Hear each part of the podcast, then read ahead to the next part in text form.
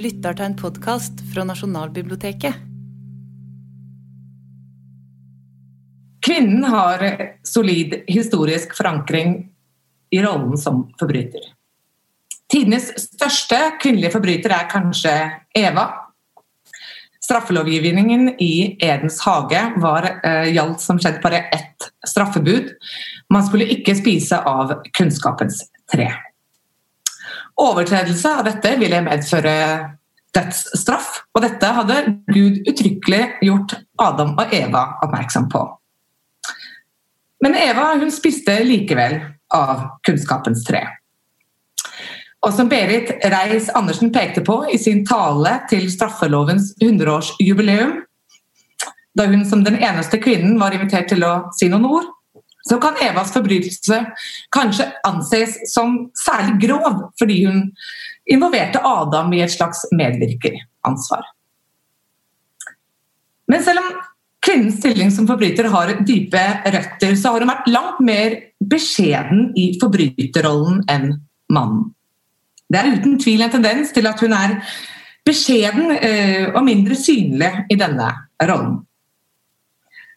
Det kan derfor virke åpenbart at eh, kvinnens sosiale forhold opp gjennom tiden har lagt en demper på hennes kriminelle aktivitet.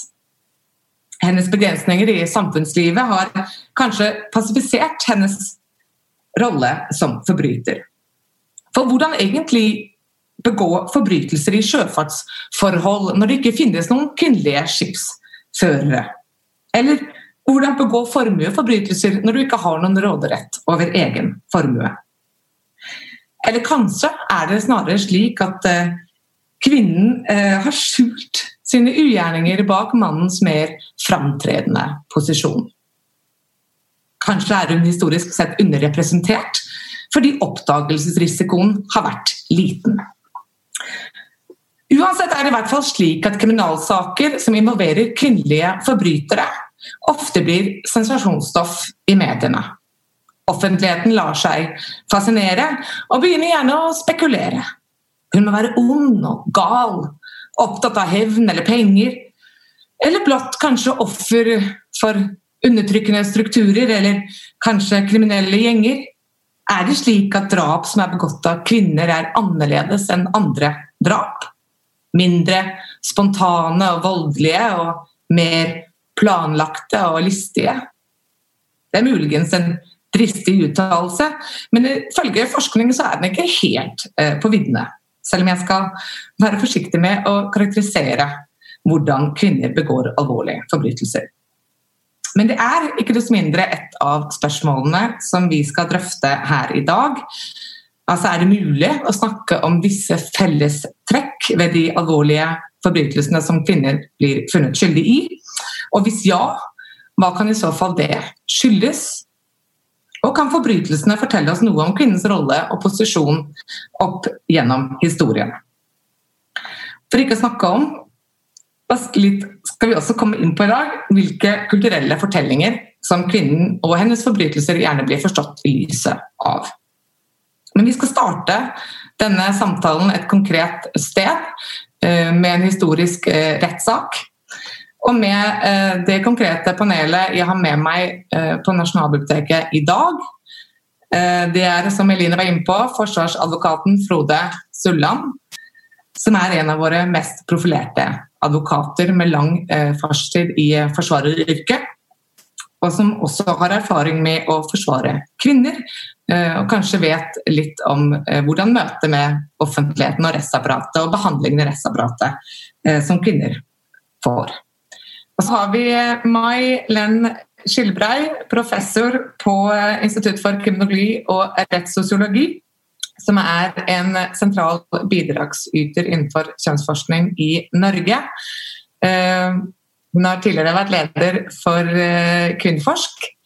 Og eh, leder nå et tverrfaglig forskningsprosjekt på Universitetet i Oslo som heter Evidently Rape, og som handler om eh, vurderingen av rettsmedisinske og tekniske bevis i voldtektssaker. Og sist, men ikke minst, eh, historiker og forfatter Aina Basso, som eh, er forfatter av både sakprosabøker og romaner. Um, og som ofte tar utgangspunkt i historiske hendelser og historisk materiale. Bl.a. din da siste roman 'Ungen', eh, som er inspirert av den såkalte pleiemødresaken, eller englemakersaken, som den også er kalt, fra 1900. Og Derfor så tenker jeg at jeg vil starte med å spørre deg, Aina, om du kan fortelle litt om denne saken og hvorfor du ble interessert i den?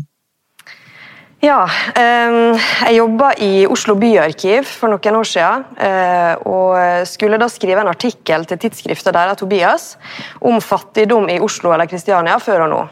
Så skal jeg prøve å finne en vinkling på dette her med fattigdom. Så kom jeg over eh, ordet 'englemakerske' i en artikkel av Johanne Bergqvist, som jobber der og ante ikke hva det var. Hadde ikke hørt om det før.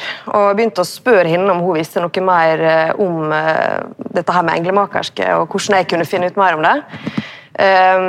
Og Det hun sa, det var da at det var jo uh, en betegnelse på, på kvinner, da, eller på, på, ja, på, kvinner som gjorde små barn om til engler, altså uh, barnemordere. og Jeg begynte å skulle prøve å finne ut mer om denne her saka for å skrive en artikkel om det. Um, og måtte lete ganske mye. Akkurat da så fant, altså, Det var ingen som klarte å finne rettsmaterialet rettsmateriale i Statsarkivet i Oslo. Eh, så jeg klarte fant bare dommen. Og så begynte jeg her på Nasjonalbiblioteket å se på sånne mikrofilmruller eh, fra aviser fra 1901, høsten, da saka liksom, eh, Jeg visste at saka ble ført for retten. Og Det var jo da seks kvinner som var tiltalt for barnedrap, eller for medvirkning til barnedrap. Det var til sammen 22 barn, de fleste under ett år, som døde i løpet av ett år. Fra høsten 1899 til høsten 1900.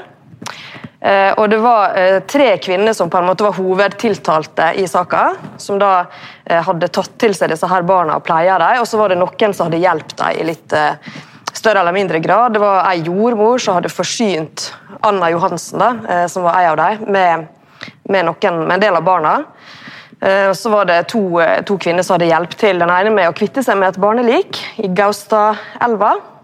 Og den andre med å pleie barna, og hjelpe til med å pleie barna. Da. Men disse her tre hovedpersonene, Pauline Olsen, Anna Johansen og Martha Kristine Andresen, de ble jo da tiltalt for mord. Og ble da dømt, bortsett fra Pauline, da, som døde før dommen falt i saka. Men hun var den eneste som hadde tilstått og ha drept et av barna. Mens de andre to, altså Martha, Kristine og Anna, de nekta for at de hadde drept dem med vilje. Mm. Kan du kanskje kort også bare forklare dette med englemakerske? Ja, altså, ja, altså at de laget, gjorde små barn om til engler. Da. Det var jo rett og slett det som var, som var uh, det som lå i begrepet. Og når jeg har søkt i avisarkivet til Nasjonalbiblioteket, så har jeg funnet den betegnelsen fra tidligste liksom, eh, avisartikkelen der det blir nevnt, er fra 1860-tallet. Så det var tydeligvis sånne englemakerske rundt omkring i Europa og i Sverige, og også da i Norge.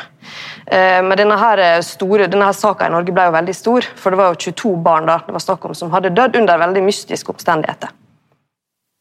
Mm. Kan du gi et kort lite riss også av de histor den historiske konteksten som dette skjedde i? Ja, eh, I 1899 så var det et veldig stort krakk i Kristiania. Ehm, det hadde vært en, eh, en boligboom, ikke sant? boligmarkedet. Folk hadde investert i leiegårder. Det hadde vært stor tilflytning til byen. Eh, og, men så, så, kom da dette her krakket. Eh, banker gikk konkurs, veldig mange spekulanter gikk konkurs. Og det ble stående igjen sånne halvferdige bygg og bare som sånne slags sånne sår i bybildet. Og veldig mange mistet jobben. Eh, det ble massearbeidsledighet, stor fattigdom. Det var veldig mange heimløse som samla seg i byen og prøvde å finne en plass å, å være. Og Det begynte da sommeren i 1899. Og Da eh, disse her kvinnene da begynte å ta til seg barn i oktober 1899, så vet jo ikke jeg noe om om det var direkte pga. det krakket, men han kan jo på en måte kanskje tenke seg at det med fattigdom spilte en viktig rolle. Eh, for det de forklarte, var i hvert fall at de hadde tatt til seg disse her barna fordi det var penger å tjene på det. Og det var ganske mye penger å tjene på det. Ehm, de fikk 150-200 eh, kroner per barn. og Det skulle jo da på en måte forsørge barnet helt til det var, kunne forsørge seg sjøl. Gå ut i tjeneste kanskje i 14-15-årsalderen eller noe sånt. Men på den tida så var det jo 130 kroner var jo en vanlig årslønn for ei tjenestejente i byen. Og De fikk da 150 kanskje, kroner eller 200 kroner per barn, tok til seg mange barn samtidig.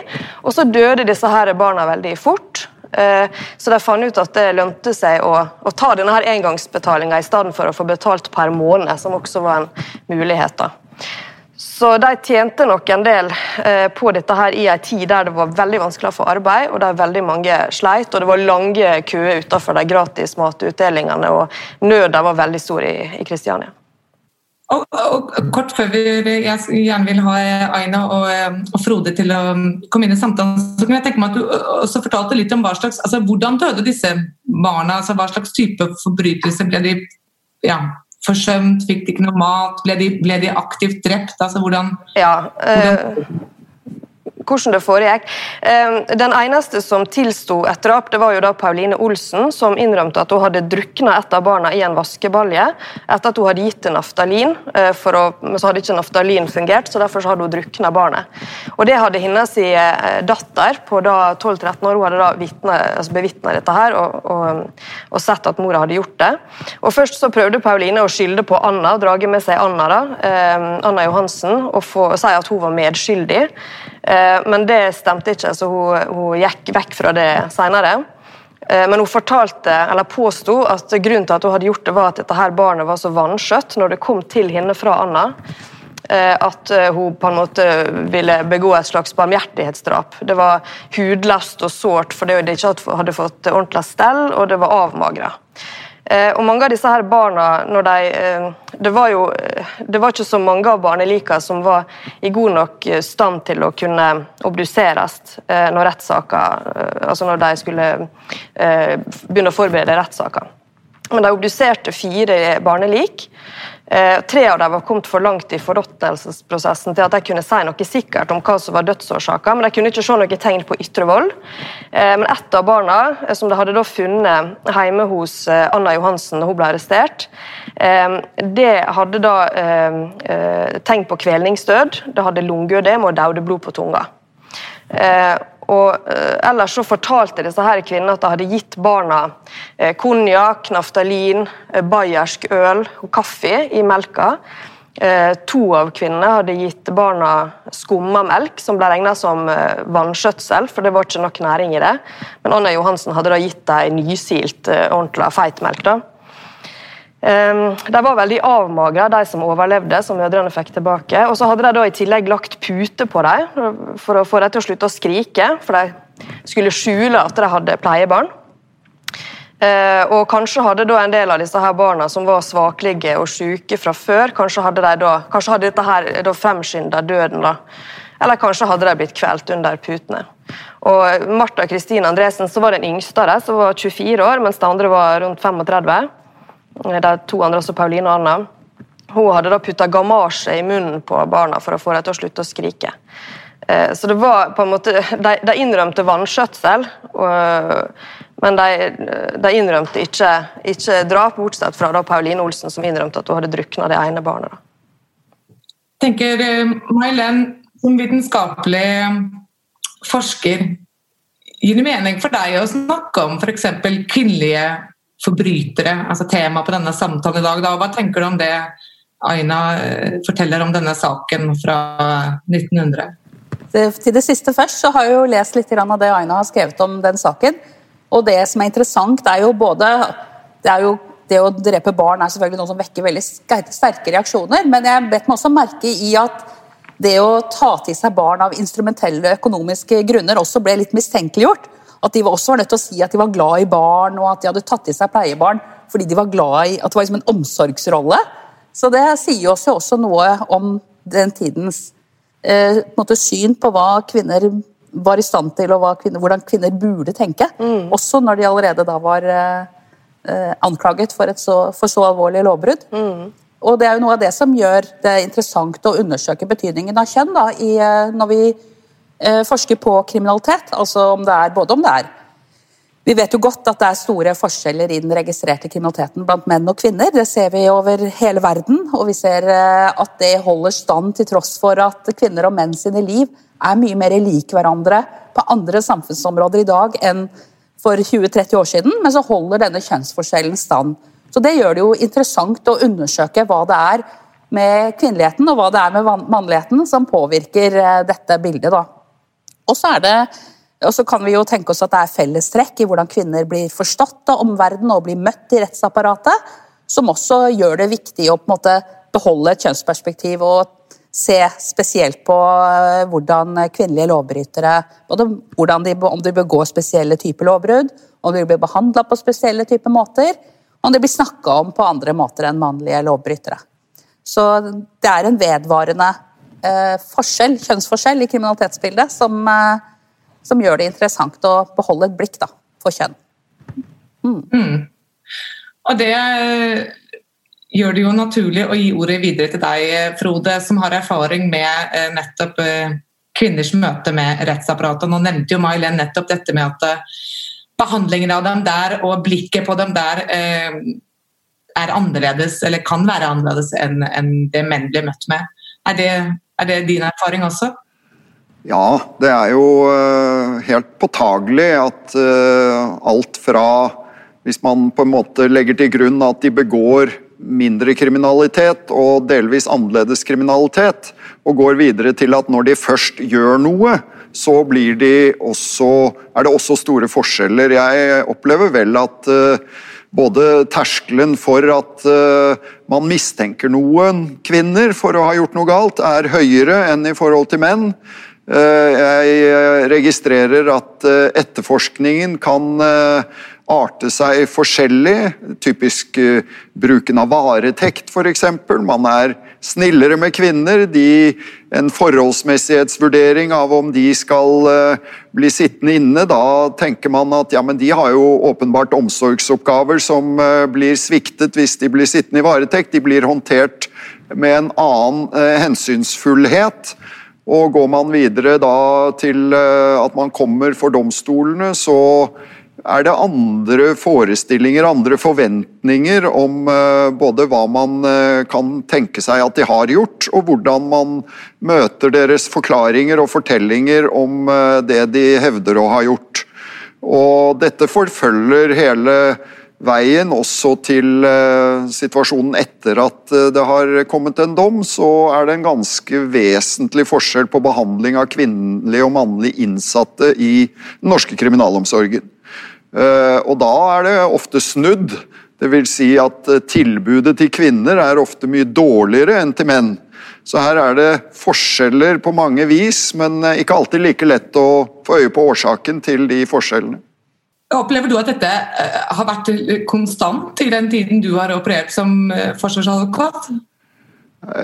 Ja, et stykke på vei i hvert fall. Jeg syns nok at Eh, det har vært en Innenfor noen segmenter av kvinnelige kriminelle så har det vært en utvikling hvor de i større grad behandles som menn.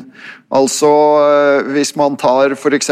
trygdebedragerier, som jo eh, har en større andel av kvinner enn det kvinner ellers står for når det gjelder kriminalitet, så, så kan de bli ganske hårhendt håndtert. De blir ikke trodd på at de ikke forsto meldekortene, de blir ikke trodd på at uh, de hadde en annen oppfatning og en annen historie å komme med.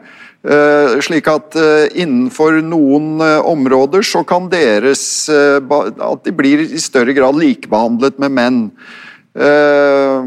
Men ellers så syns jeg nok at mye av dette har hatt fellestrekk hele veien.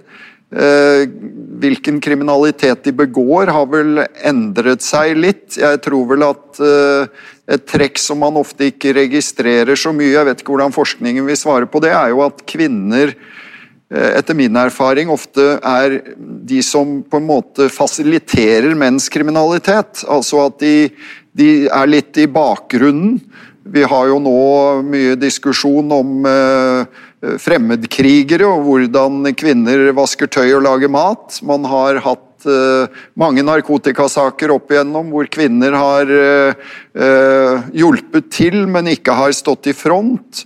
Og man har eh, også innenfor eh, sedelighetskriminalitet og dette med overgrep mot barn, kvinner som legger til rette, mens det er eh, mennene som, eh, som blir eh, ansett som hovedmenn. Og det syns jeg nok kanskje har vært en, en utvikling da, hvor deres rolle i den sammenheng er blitt mer eh, Jeg ser den tydeligere da, enn en det var mulig å kanskje få øye på den tidligere, om den var der. Så Der er det en, en viss utvikling i min egen lille erfaring, da, som ikke er veldig forskningsbasert, men som eh, er mangeårig, mangeårig, kan man si. Ja, hva May-Len, hva tenker du om det? Ja, jeg også eh, synes også det er veldig interessant hvordan eh, kvinner ofte dømmes til eh, eh, i mildere saker, og at de dømmes, dømmes i større saker med både menn og kvinner som tiltalte for de mildeste forholdene, for medvirkning til rettelegging. I en del saker så tenker jeg det også Jeg har ofte tenkt at det eh, også handler om hvordan vi fortolker menns og kvinners eh, handlinger. Jeg holder f.eks. øye med hvordan prostitusjon og menneskehandelssaker blir retteført, og ser at kvinner eh, og dette, gjelder, dette ser vi fra forskning også fra andre land, altså at kvinner i eh, menneskehandelssaker lett forstås som mellomledd og bare utøvere, utførere, og at de handler kun på, på, på, tvers bare fordi de selv er under tvang, eller er eh, At det anlegges en annen fortolkning på kvinners kriminalitet enn på menns kriminalitet. At vi kanskje, sitter kanskje litt lenger inne og tenker på dem som pådrivere og aktive eh, i, eh, i å begå lovbrudd. Så Derfor blir det jo spesielt interessant i saker hvor kvinner får eh, bli beskrevet som de manipulerende og de som leder an og som er hjernen bak lovbrudd. Det, det danner på en måte unntakene, og da blir jo det ekstra sensasjonelt. Og som, eh, som forsvarer så er jo dette noe som er et viktig bakteppe å, å kjenne til, fordi det gir et spillerom. Fordi det er lett å kunne tegne inn kvinnens posisjon i dette scenarioet. At eh, man opplever eh, ganske ofte å kunne få gehør nettopp for å plassere deres rolle i periferien, selv om man kan ane at eh, hva er det man sier, det står en kvinne bak enhver mann. Altså at de ofte kan ha en, en påvirker og en administrativ eller en mye mer sentral rolle. For oss som forsvarere er det lett å servere til retten at uh, de eh, er nå bare et slags offer. Uh, man kan lage dem til ofre inn i den kriminaliteten som de selv anklages for. Og Da er vi inne på et interessant uh, tema her. Jeg ville eh, begynne med å høre deg, Aina. Altså, disse kvinnene i pleiemødresaken fra 1900, ble de også forstått av offentligheten? Da? Nå sier du at det var mye skriverier i mediene. Ble de, ble de, hvordan ble de oppfattet av offentligheten? Ble de betraktet som ofre av på en eller annen måte De er jo tett forbundet med kvinnerollen, kan man si. Ikke så vidt jeg kunne se ut ifra de eh, sakene jeg har lest. Også. Der er det heller sånn at eh, det er på en måte det sensasjonelle i det at kvinner kan faktisk gjøre noe så grusomt. Og Anna Johansen ble jo da betegna som jernbak, eh, som den som på en måte hadde planlagt alt sammen og på en måte styrt de andre. Ehm, og det, ble, det førte til stor offentlig forargelse, rett og slett, denne saka. Det førte også til en lovendring av tilsynet med, med private pleiehjemmer. For dette var jo eh, privat bortsettelse av barn som var på en måte eh, vekke fra offentlighetens søkelys. sant? Eh, så jeg vil ikke si at de hadde noe, men de, de prøvde kanskje sjøl å, å, å, å, formilde det med å, med å si at det på en måte skjedde ved uhell, eller at barna hadde sykdommer, eller at de, hadde, de var svakelige fra før, at de hadde veneriske sykdommer f.eks., kanskje syfilis og sånn, og det kan det jo også hende at de hadde. Eh, men eh, ja. Nei, jeg tror ikke offentligheten så på de som offer, nei. Nei, og Det er vel litt fordi at uh, nettopp var den type forbrytelse. Her var det jo ikke bare snakk om at uh, man hadde brutt moralske og juridiske normer, men det var kvinner som altså hadde gjort det imot den oppgaven som de eh, enda mer på den tiden, men også i dag, ivaretagelsen av små barn. At de virkelig hadde gått imot det helt grunnleggende eh, moralske imperativ å ta bare på barna sine. Mm. Så er det klart at fordømmelsen måtte bli eh, kolossal, tenker jeg. Ja.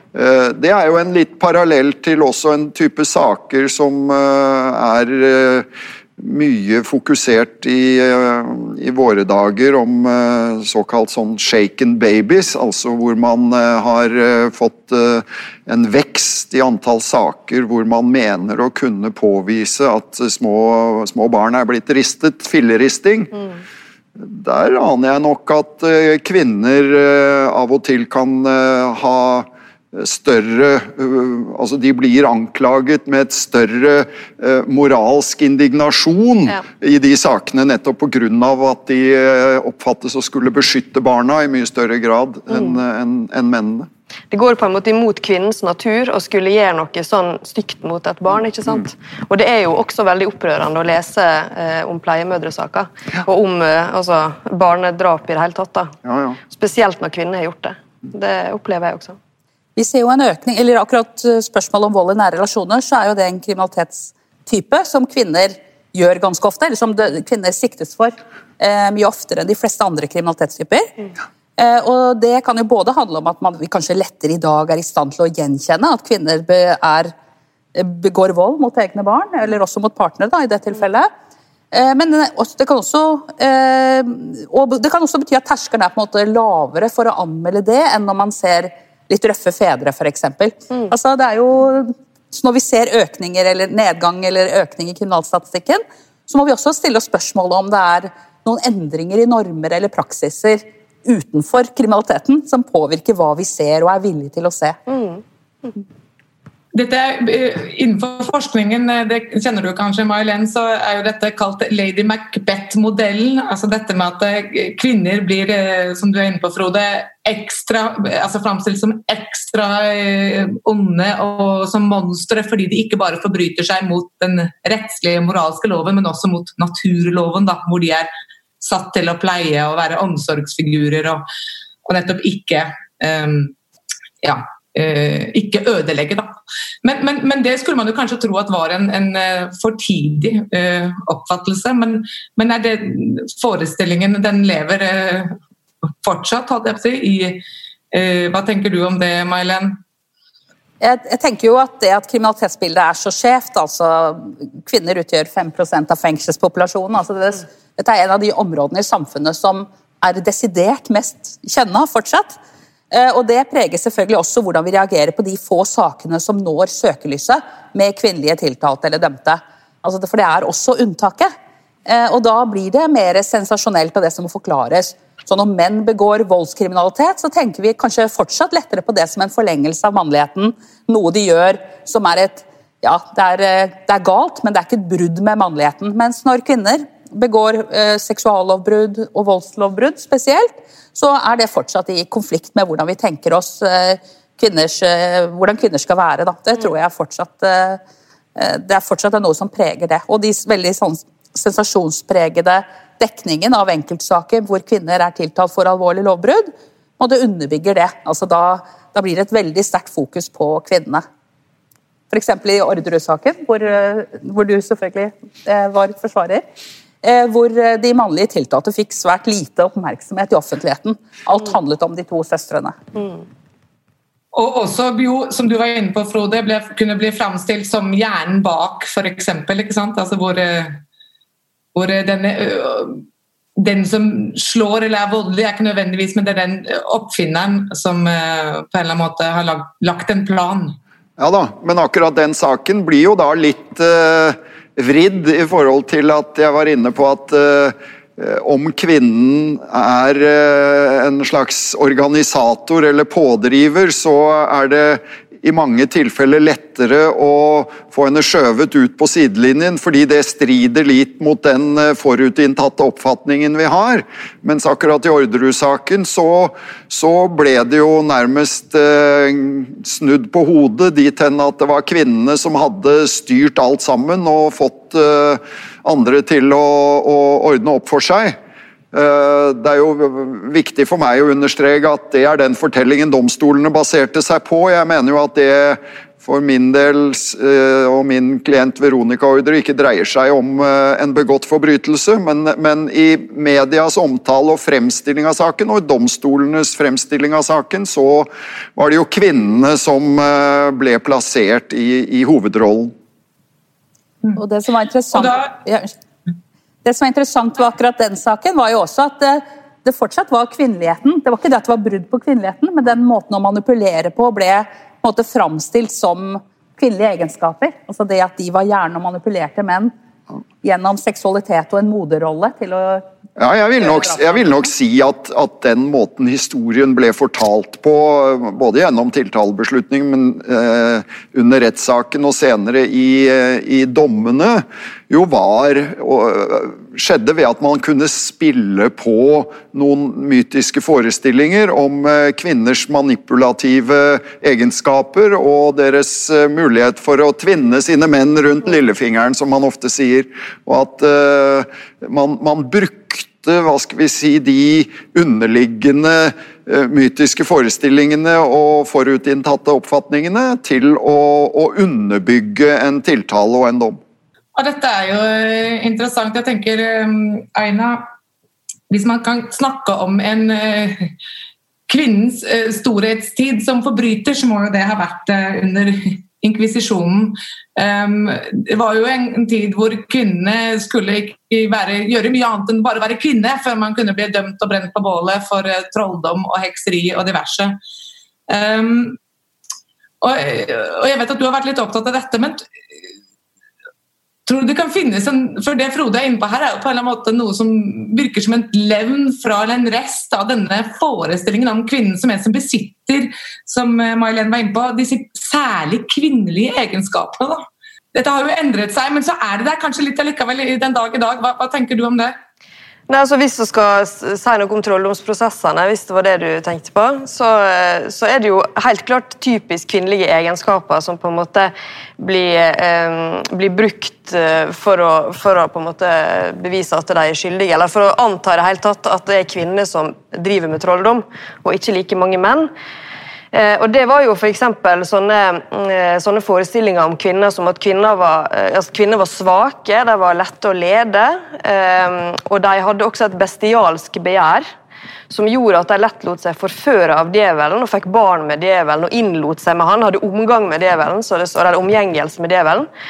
Eh, og at eh, det da var lette for djevelen å, få, å, lokke og lure og få med på laget. Eh, og at det var praktisk også for djevelen, fordi at eh, de gikk rundt og, og De var like bråkete som bjeffende hunder, står det eh, nok i eh, en av disse her demonologibøkene.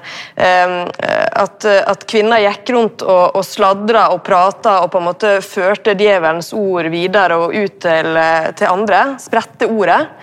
Eh, og at de da sånn var praktiske hjelpere for djevel, men at menn var da vanskeligere å lokke og lure, for de var klokere enn kvinner. ikke sant? Og de var ikke så, eh, Det er noe med denne kvinnenaturen som, som er veldig sånn lett påvirkelig og syndig. og ikke sant? En sånn, for, sånn forestilling om kvinner som, som noe mindre. da, eh, Mindre bra på alle måter enn det den mannlige naturen var. da menn var på en måte mer moralsk oppheva eh, enn det kvinner var. Um, så de, de, forestillingene som lå til grunn, de førte nok til at, eh, at de, de aller fleste land var da 80 eh, kvinner som ble dømt for trolldom. da. I den grad, i den grad en, en, rest av disse mytiske forestillingene om kvinnen eh, eksisterer i rettsapparatet i dag, eh, Frode, hvor bevisst tror du rettsapparatet selv er om dette? Eh, ja, Min tese er vel at rettsapparatet i altfor liten grad er bevisst hva som motiverer deres egne avgjørelser. Men det er jo en generell betraktning. altså at Eh, domstoler og dommere eh, ikke i tilstrekkelig grad eh, ransaker seg selv når de skal bedømme de fortellingene de blir forelagt. Altså om de eh, har en eller annen eh, egenerfaring eller en eller annen holdning som kan påvirke hvordan de tolker det som blir servert i rettssalen.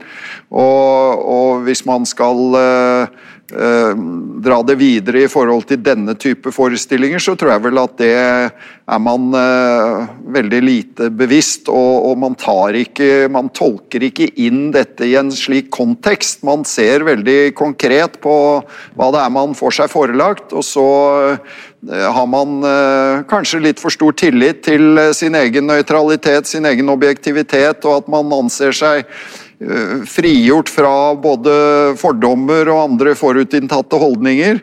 Eh, det hadde nok vært fint om dommere i større grad ble testet ut på og ble bevisstgjort eh, hva som kan motivere dem til å tolke en kontekst på en måte som det kanskje ikke alltid er tilstrekkelig grunnlag for. Mm.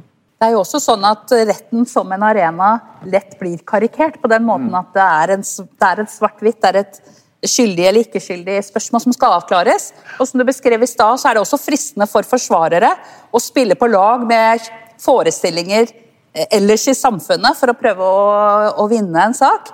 Så Sånn sett så blir det jo et litt sånn trykkammer da, hvor, hvor, eh, det, hvor eh, fordommer får, får, en, får, en, veldig sånn aktiv rolle. da.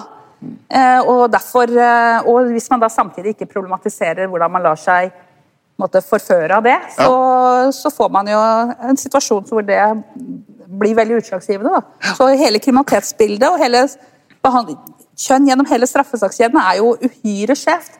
Og sånn sett så får rettens aktører hele tiden også bekreftet at kvinner og menn er forskjellige. Det er den samfunnsarenaen hvor det er tydeligst. Liksom, er det tydeligste budskapet er at menn og kvinner er forskjellige. Ja. Mens på andre områder så er det mye større kjønnsbalanse omfangsmessig men også i roller.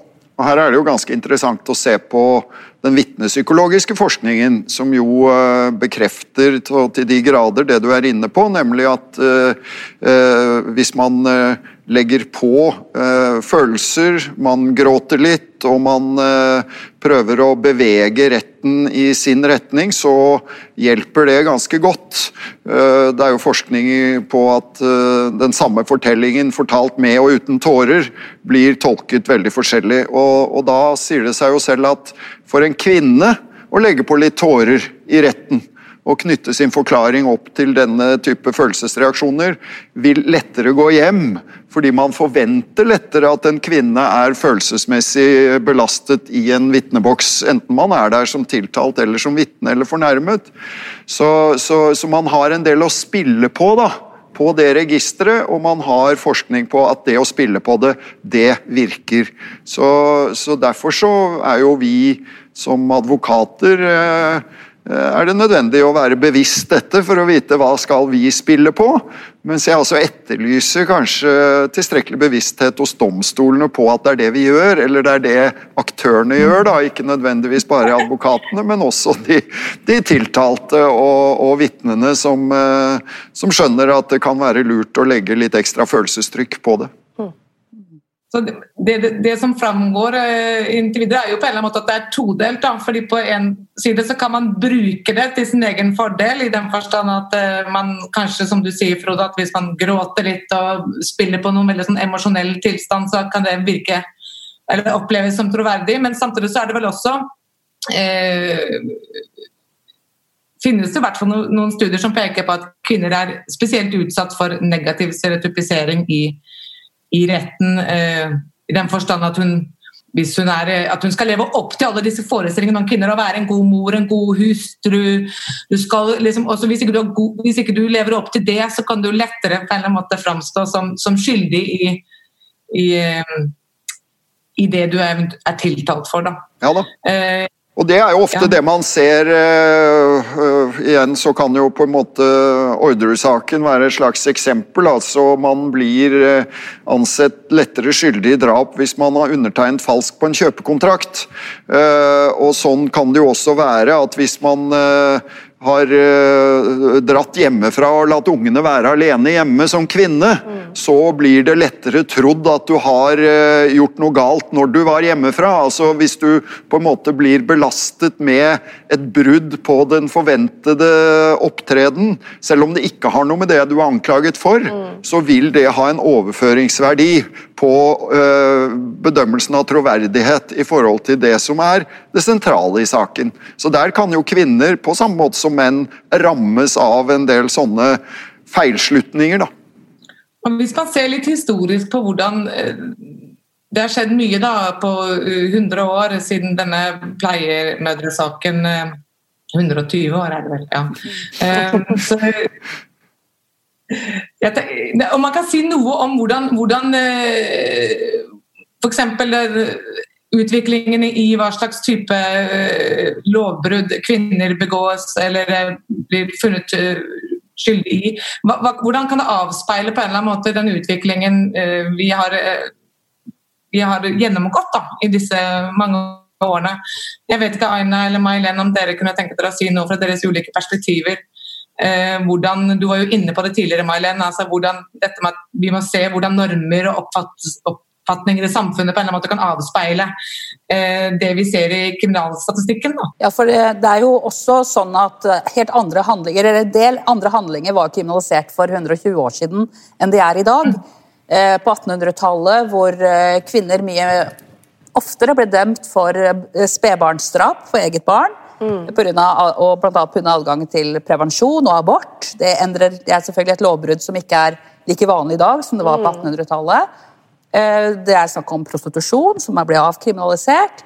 Eh, og i en tid hvor ganske mange spørsmål som i dag regner som eh, private, knytta til seksualitet og mm. samboerskap, mm. er i dag avkriminalisert. Mm.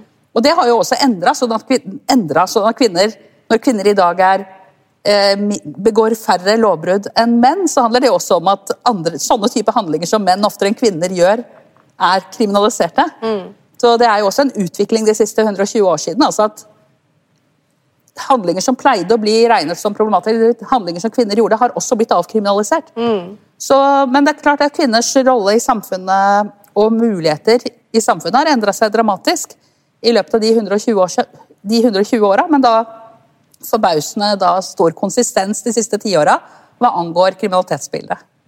Mm.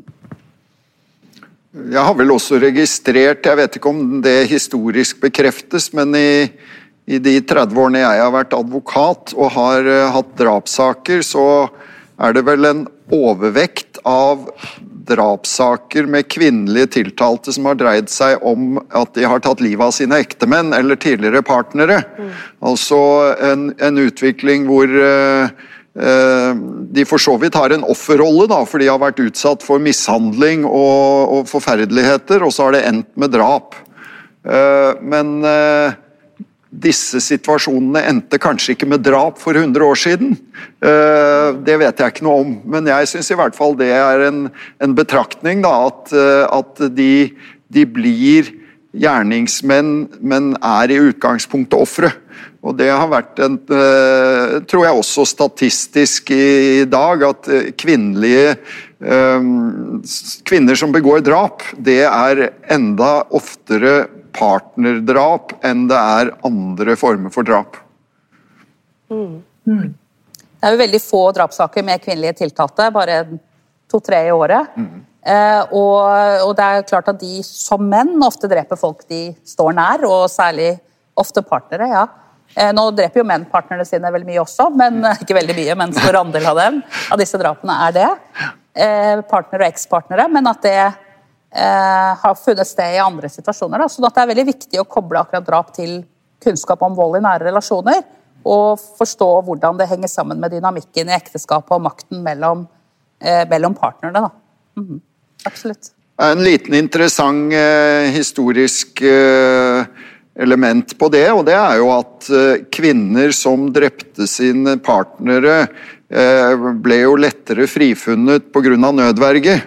Alf Norhus, historien om den brennende sengen, dette medførte jo prosessuelle endringer i Norge, fordi at uh, juryen frifant og frifant gang på gang. Og til slutt så måtte man endre prosessordningen, slik at uh, når saken skulle komme opp på nytt, juryens frifinnelse var tilsidesatt, så måtte den komme opp med, med fagdommere, altså i en meddomsrett. Man kunne ikke ha disse juryene som hele tiden frifant kvinner pga. nødrett. Mm. Så Det er jo et element, en beskrivelse av at sympatien med kvinner som drepte sine voldelige menn, den var så stor at, eh, at man måtte gå til en lovendring for å få slutt på dette. Mm. Det er også flere saker i nyere tid hvor jurydommer har blitt tilsidesatt eh, på eh, dommer mot kvinnelige utøvere. Mm. Eh, Søndre Land-saken er jo et veldig interessant eksempel hvor en kvinne ble framstilt som eh, altså den, den fra 2006 ble framstilt som den, den, som manipulerte, og som selv var del av et sånn veldig kraftig marginalisert og, eh, miljø med mye rus. Eh, hvor, eh, hvor, hvor, hvor jury, eh, juryens dom ble tilsidesatt. Fordi de ville dømme sterkere, strengere, altså en ekstra drapssak, enn det fagdommerne ville. Mm. Der var det jo da i motsatt retning, motsatt så der var det et utslag av det vi var inne på ja. tidligere, nemlig at, eh, at, kvinnen ble oppfattet å ha, ha, gjort noe som var så til de grader imot det hun var mm. satt til å forvalte her i livet. Ja. Så, så, da var det den, den, tendensen som man så. Mm. Og hun ble framstilt veldig som et monster. Ja. Som, eh, eh, som dominerte svært marginaliserte menn å, for å skaffe trygdepengene deres. Mm. Og så endte i da da flere dødsfall da, etter drap. Ja, og Apropos eh, når du sier skaffe penger, så er det jo da altså dette med eh, kvinner som framstår sterke. Eller man, man kan jo også være skeptisk til, til uh, ambisiøse. Eller dette er også en, en herskende mytologisk fortelling, da, eller forestilling som vi ofte eh, kan vekke mistanke. Altså dette med å framstå uh, framstå sterk. Men, men, men, du sa, nevnte tidligere Mailen, at, ehm, at kvinnen, Det kunne jeg godt tenke meg å høre litt mer om, for det var jeg ikke klar over. Men altså, at kvinnen, nå antydet jeg i min introduksjon at kvinnen kanskje begår en litt annen type drap, i den forstand at de er mer planlagte og listige. Jeg har jobbet litt med den såkalte syvbarnsmoren fra Kristiansand, som jo forgiftet mennene sine. Det finnes noe forskning som peker på ehm, at at det er ekstra på en eller annen måte Det blir vi ekstra redd eh, for, og det er ekstra skremmende. fordi det er på en eller annen måte virkelig omsorgsrollen og forbryterrollen som fusjonerer da, inn i det at du, deg, du, du, du, later som du gir dem eh, næring, altså mat, drikke, og så er det egentlig uh, gift. Men, men, du nevnte inn på tidligere, Mailen, dette med at, at, at kvinner også kan begå, begå disse voldelige uh, drap eller altså, begår vold, da, mer enn jeg kanskje uh, selv var klar over. Kan du ikke fortelle litt mer om det? Kvinner er jo lite til stede i voldsstatistikken, altså som utøvere, altså for uh, siktede og dømte. Men den voldstypen der de er mest til stede, er uh, i, i, vold i nære relasjoner. I, og, i, mm. ja, i mishandlingssituasjoner. Så, mm. men det, og det behøver ikke å handle om at kvinner begår mer mishandling i familien nå enn før. Det kan handle om at vi lettere ser det. Det handler om politisk bevissthet rundt det. Og et sterkere vern av barnet. Altså Vi har et mye sterkere fokus på å, på å verne familien. Mens man tradisjonelt har sett familien som en privat arena, og kvinnen som forvalteren av det. Så, så det betyr ikke at det begår mye Jeg tror jo kvinner eh, over tid og i mange situasjoner begår voldelige handlinger som ikke blir anerkjent som det, og at de ikke ses på som like farlige når de gjør det. sånn at folk blir ikke like opptatt av Det kan være at offeret og andre ikke er like opptatt av å anmelde det tilfellet. Fordi man eh, kan tenke at eh, den volden som menn gjør, er farligere og derfor må komme i offentlighetens søkelys. Det kan være mye, mange forskjellige prosesser som er involvert i å skape den skjevheten. Men det er da en del kvinner som tiltales og dømmes for, eh, for vold i nære relasjoner. Og da uh, tenker jeg å spørre deg, Aina, som uh, i forhold til dette med nære relasjoner og omsorgsrollen. Uh, nå har vi jo snakket om dette med hvordan kvinnen blir oppfattet, eller årsaker til at hun kan begå vold mot, mot sin partner, men, men, det har jo også vært noen nyere saker uh, som handler om hvordan om kvinnen som begår overgrep mot barn. Og det er jo en ekstremt kontroversiell og sensasjonell ting når det kommer opp i mediene. Eh, har du lyst til å si noe om, om eh, Jeg vet du har, eh, har, hatt et forhold til si, Alvdal-saken. Det hørtes feil ut, var ikke ja. det? Nei, jeg har, bare, jeg, har bare, eh, jeg har bare fulgt den litt. Nei, altså det, er noe, det, er noe, det føles på en måte mer opprørende fremdeles at kvinner skal gjøre sånne handlinger, eller legge til rette for sånne handlinger som f.eks. overgrep mot sine egne barn. da enn en om det var faren eller en mann som sto for det alene. Ehm, men jeg tenker litt på ehm, jeg synes det er litt vanskelig å si så mye om den saka, siden jeg ikke kjenner mer til den som en sånn interessert eh, jeg å si, eh, avisleser. Eh, men, men, jeg tenker litt på dette her med at, at, det at man på en måte nå i større grad kan, kan tiltale kvinner for at de begår vold mot barna sine, f.eks., så er det noe med at den terskelen for hva som er vold, har flytta seg. Altså Før så kunne du slå ungene dine. Du skulle på en måte gi dem ris, og du skulle Jeg tenker at det var kanskje en del ting som ikke ble sett på som vold før, men som oss nå eh, mener at det er det. Eh, også i de nære relasjonene. Eh, altså Hustukten og sånne ting. at det, det, det, var ikke ting som på en måte kom opp i samme grad før. Men det er kanskje veldig alvorlige eh, voldshandlinger da, det er snakk om? Nei, det er begge deler. Og det som er interessant når terskelen senker seg for hva som inkluderes, mm. så er det også veldig logisk at det kommer flere kvinner Absolutt. inn i statistikken. Ja, ja. For i nesten alle lavbruddskategorier så er andelen kvinner i de milde lovbruddene mye høyere enn i de grove tilfellene. Mm. Altså i, i voldsstatistikken, i økonomisk kriminalitet. Maskeriene. Alle sammen. Så ja. da er det de grove tilfellene så er det en mye større overvekt av menn. da. Som, ja. Så tenker jeg litt på dette med barnets stilling også. ikke sant? Altså I pleiemødresaka så var det jo disse her barna ble satt vekk eh, til private pleiere fordi at mødrene ikke kunne ta seg av dem sjøl, eller ikke ville innrømme at hun hadde fått et barn utenfor ekteskap, eller var gatepike, altså var prostituert, f.eks. Eh, og betalte da for å få satt vekk dette her barnet da liksom i skjul, og ikke gjennom fattigvesenet, der det var litt mer sånn i offentlige registre og sånn. Men disse her pleiebarna, altså måten de ble behandla på, både gjennom offentlige bortsettelser og private bortsettelser, så vet man nå at de ble jo ikke behandla spesielt bra av pleieforeldre. Eh, det var mye større dødelighet eh, blant barn som var bortsatt, spesielt hvis de var bortsatt privat. Eh, og de fikk ofte veldig dårlig mat. og de, Sånn som de som ble satt vekk gjennom fattigvesenet for å arbeide på Eller for å, for å, til gode bønder på landet, som man sa, de var jo gratis arbeidskraft.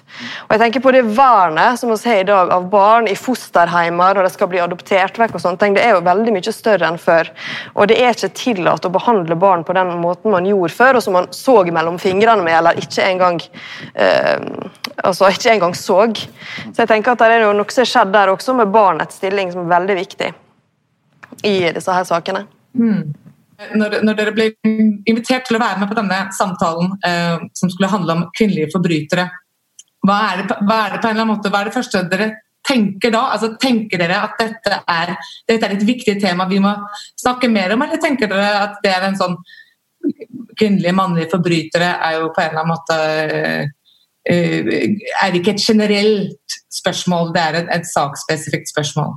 Ja, Hvis jeg skal begynne, så tenker jeg vel at det er, eh, er interessant som en, eh, et generelt spørsmål, men at vi vel har vært innom her at det kan være både fordeler og ulemper ved å være kvinne. Hvis man først har gjort noe galt, så kommer det litt an på hva man har gjort for noe galt. Og hvis man har begått en typisk mannlig forbrytelse eller er tiltalt for den, så vil man eh, kunne komme bedre ut av det som kvinne, fordi man da blir lettere utdefinert. Det er ikke, det er ikke sannsynlig, en dame ville jo aldri gjort dette. Uh, mens uh, hvis uh, man da typisk anklages for å ha mishandlet sitt eget barn, eller for ikke å ha tatt vare på det på, på riktig vis, som et eksempel, så vil man kanskje bli mer belastet som kvinne. Men, men, men, generelt så gjelder det etter min oppfatning og fra mitt ståsted da, at du har mer å spille på som kvinne, du kan bruke flere virkemidler, og du har større mulighet for å få gjennomslag ved bruk av virkemidler som egentlig ligger litt i randsonen for det man burde legge vekt på som dommer. Et, et oppfølgingsspørsmål da, Frode. Du, du, nevnte også tidligere at terskelen er høyere for å, å bli kanskje mistrodd.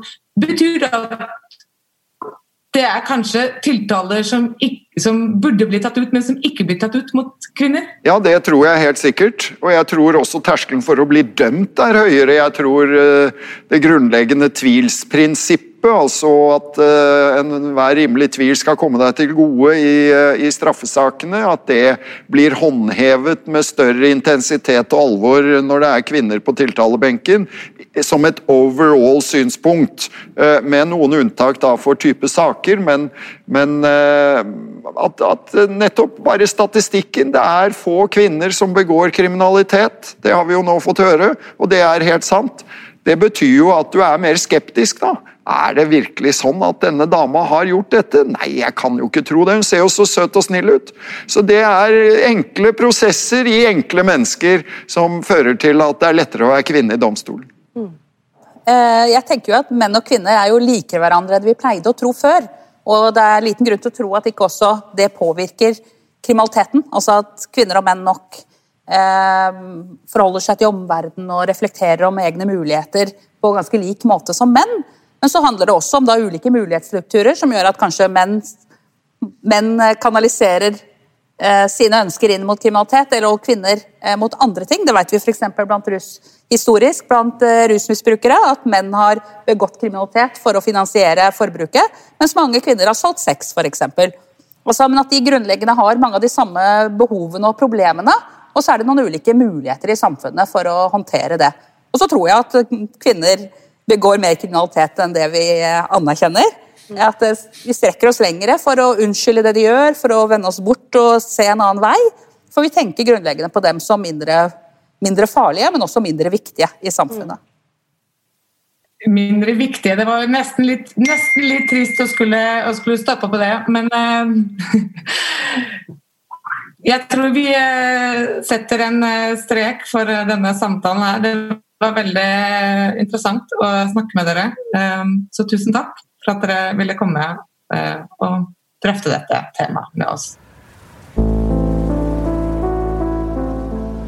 Det, altså, man kan jo ikke oppdage en sånn historie uten å bli litt sånn i se og hør-modus, selvfølgelig. Dette er pikant. Rett på! Samlingene til Nasjonalbiblioteket så finnes det spor etter et helt hav av dunkle drama og glemte liv fra Norges historie. I podkasten Gamle greier så skal jeg, Askild Matre Vassarød, fra det lille studioet midt i kjelleren under Nasjonalbiblioteket i Oslo, nøste opp de her mysteriene. Det er en voldsom kjærlighetshistorie, rett og slett. Abonner på Gamle greier gjennom den podkasttjenesten du bruker.